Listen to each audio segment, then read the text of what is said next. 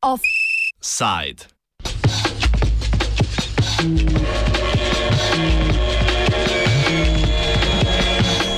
Plazma v skodelici kave.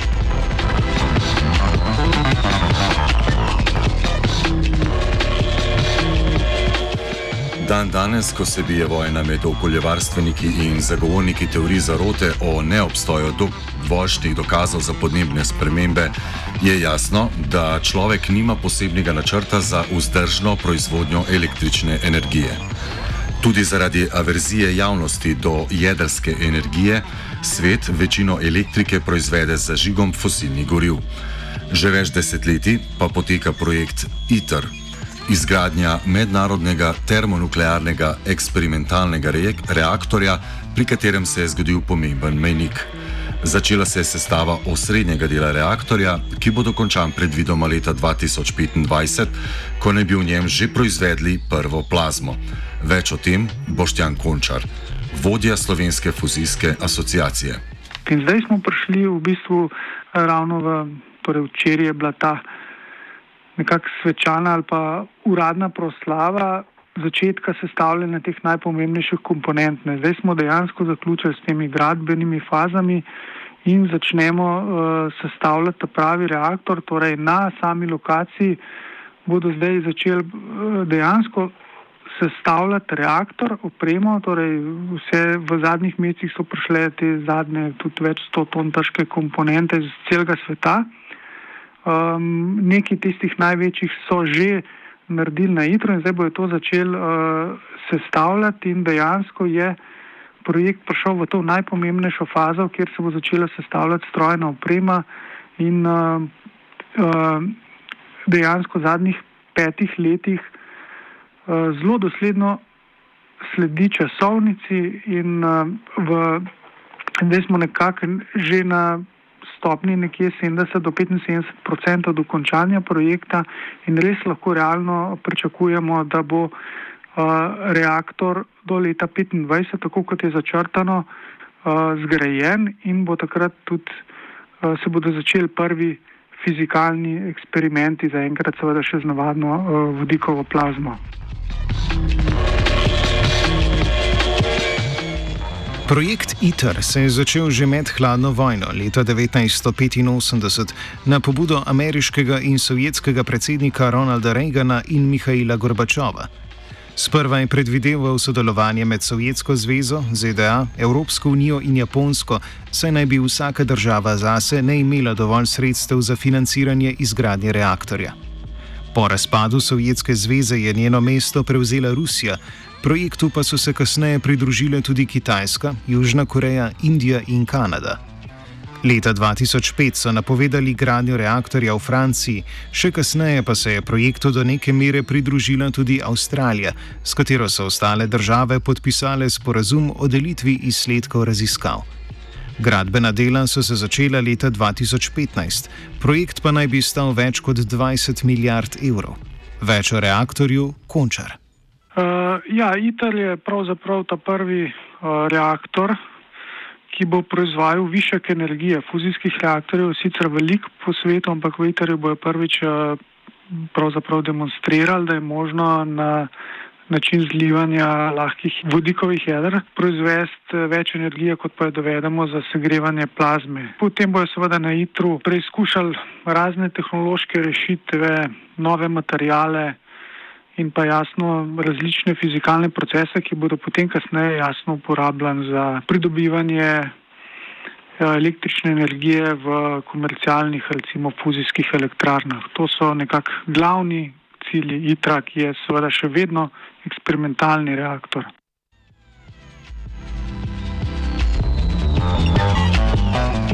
ITER bo reaktor tipa Tokamak.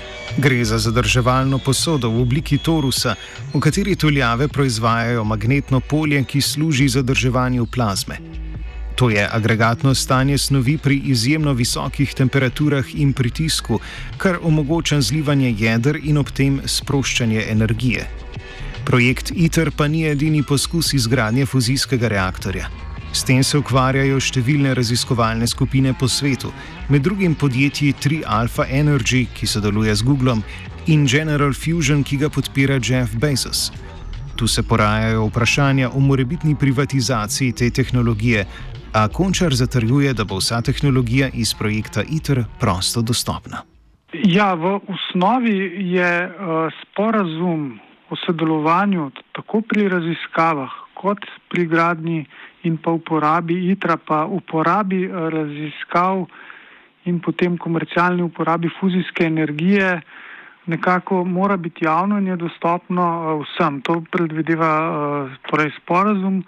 Tako da so vsi izsledki raziskav morajo biti javno objavljivi in pa javno dostopni. Tako da tukaj ni kakšne, ne vem, zahteve po var. Mislim, seveda se patentirajo določene stvari, ampak v principu uh, mora, ta, mora biti uh, ta energija dostopna celotnemu človeštvu.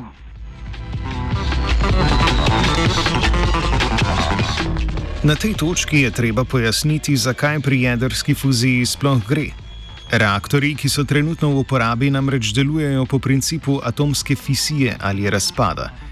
Pri tem jedrska goriva, gre predvsem za uran, obstreljujejo z neutroni, na kar jedro urana razpade, pri čemer iz njega izletijo dodatni neutroni, ki na to razcepijo druga jedra. Pri tem se, enako kot pri eksploziji jedrske bombe, sproščajo velike količine energije.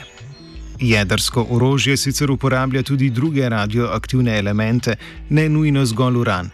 Fuzija ali izlivanje pa je ravno obraten proces.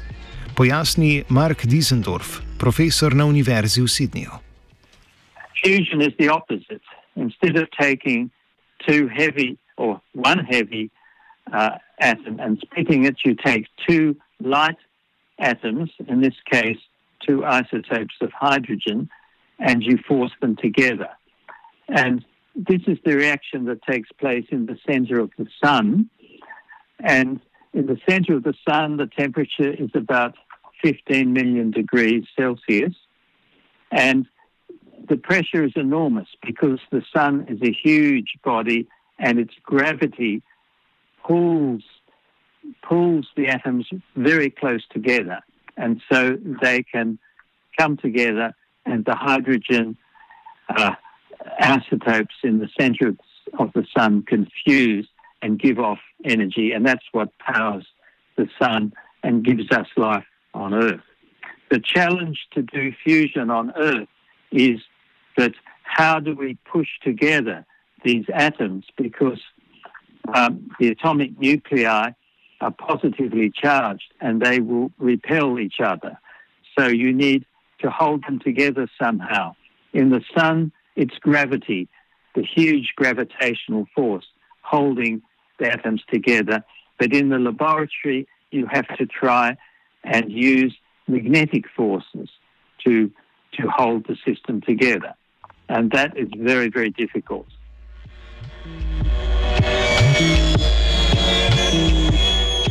Očitek jedrski energiji je potencialno dvojni namen uporabe tehnologije tudi v vojaške namene in s tem povezan problem proliferacije radioaktivnega materijala.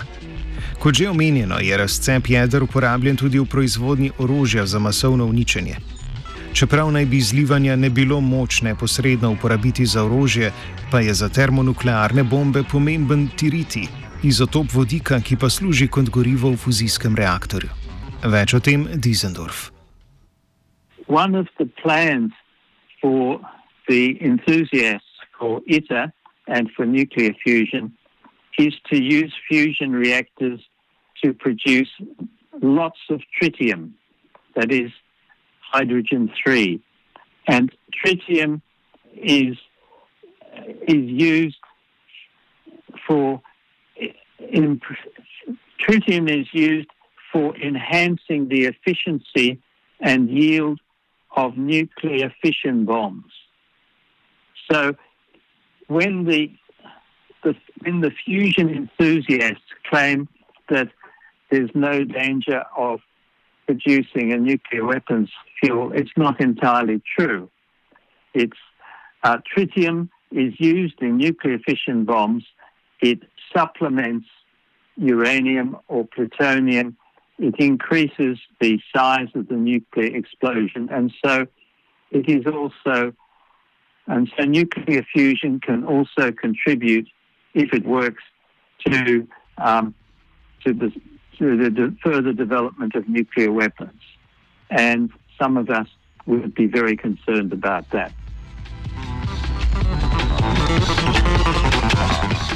Po drugi strani je treba povdariti, da prednosti reaktorja presegajo njegove slabosti. Seveda tu predpostavljamo, da bo poskus v ITER-ju uspel in bo človeštvo v prihodnosti uspešno izkoriščalo jedrsko zlivanje za proizvodnjo elektrike. To vrste način namreč minimalno vpliva na okolje, goriva, ki ga tvorita izotopa vodika, pa je na pretek, saj ga je mogoče pridobivati iz navadne vode. Končar je tako prepričan, da gre za energijo prihodnosti. Uh, ja, jaz vsekakor mislim, da je to dolgoročna prihodnost.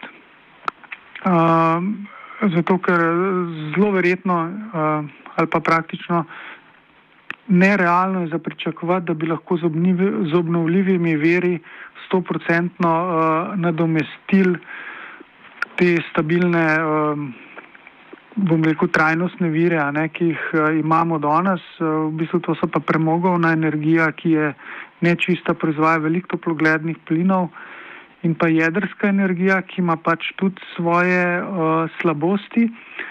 Um, obe te dve energiji imata seveda nek omejen vir zalog uh, um, in tako v naslednjih, bom rekel, tisočletjih pravzaprav uh, ne samo jaz, ampak uh, energetiki pa bom rekel, znanstveniki po svetu uh, veliko upov polagajo na razvoj fuzijske energije, ki bi pač uh, zelo, zelo dolgoročno omogočila tudi sedanji način življenja uh, in pa, bom rekel, tako rekoč obstoj človeštva na dolgi rok no, na tej zemlji. Ne.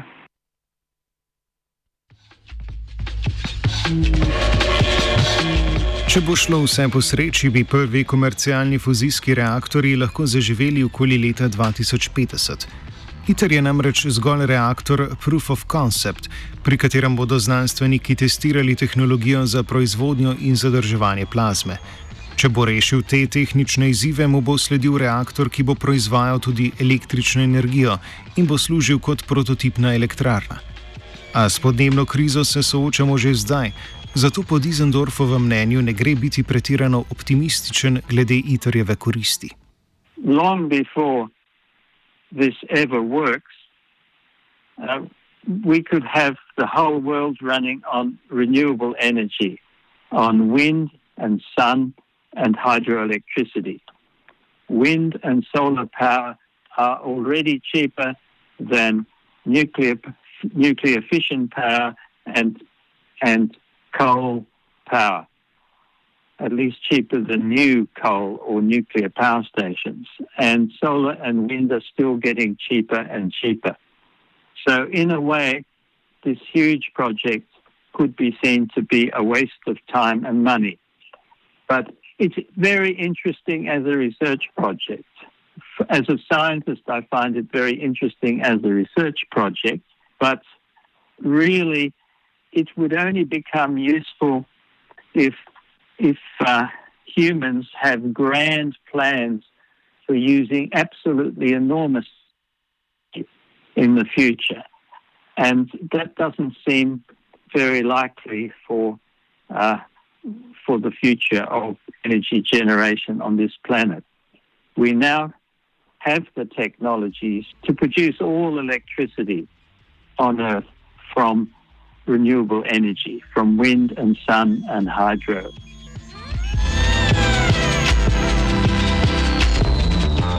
Do nadaljnega se bo tako treba sprijazniti z veternicami, hidroelektrarnami in sončnimi celicami. Oh.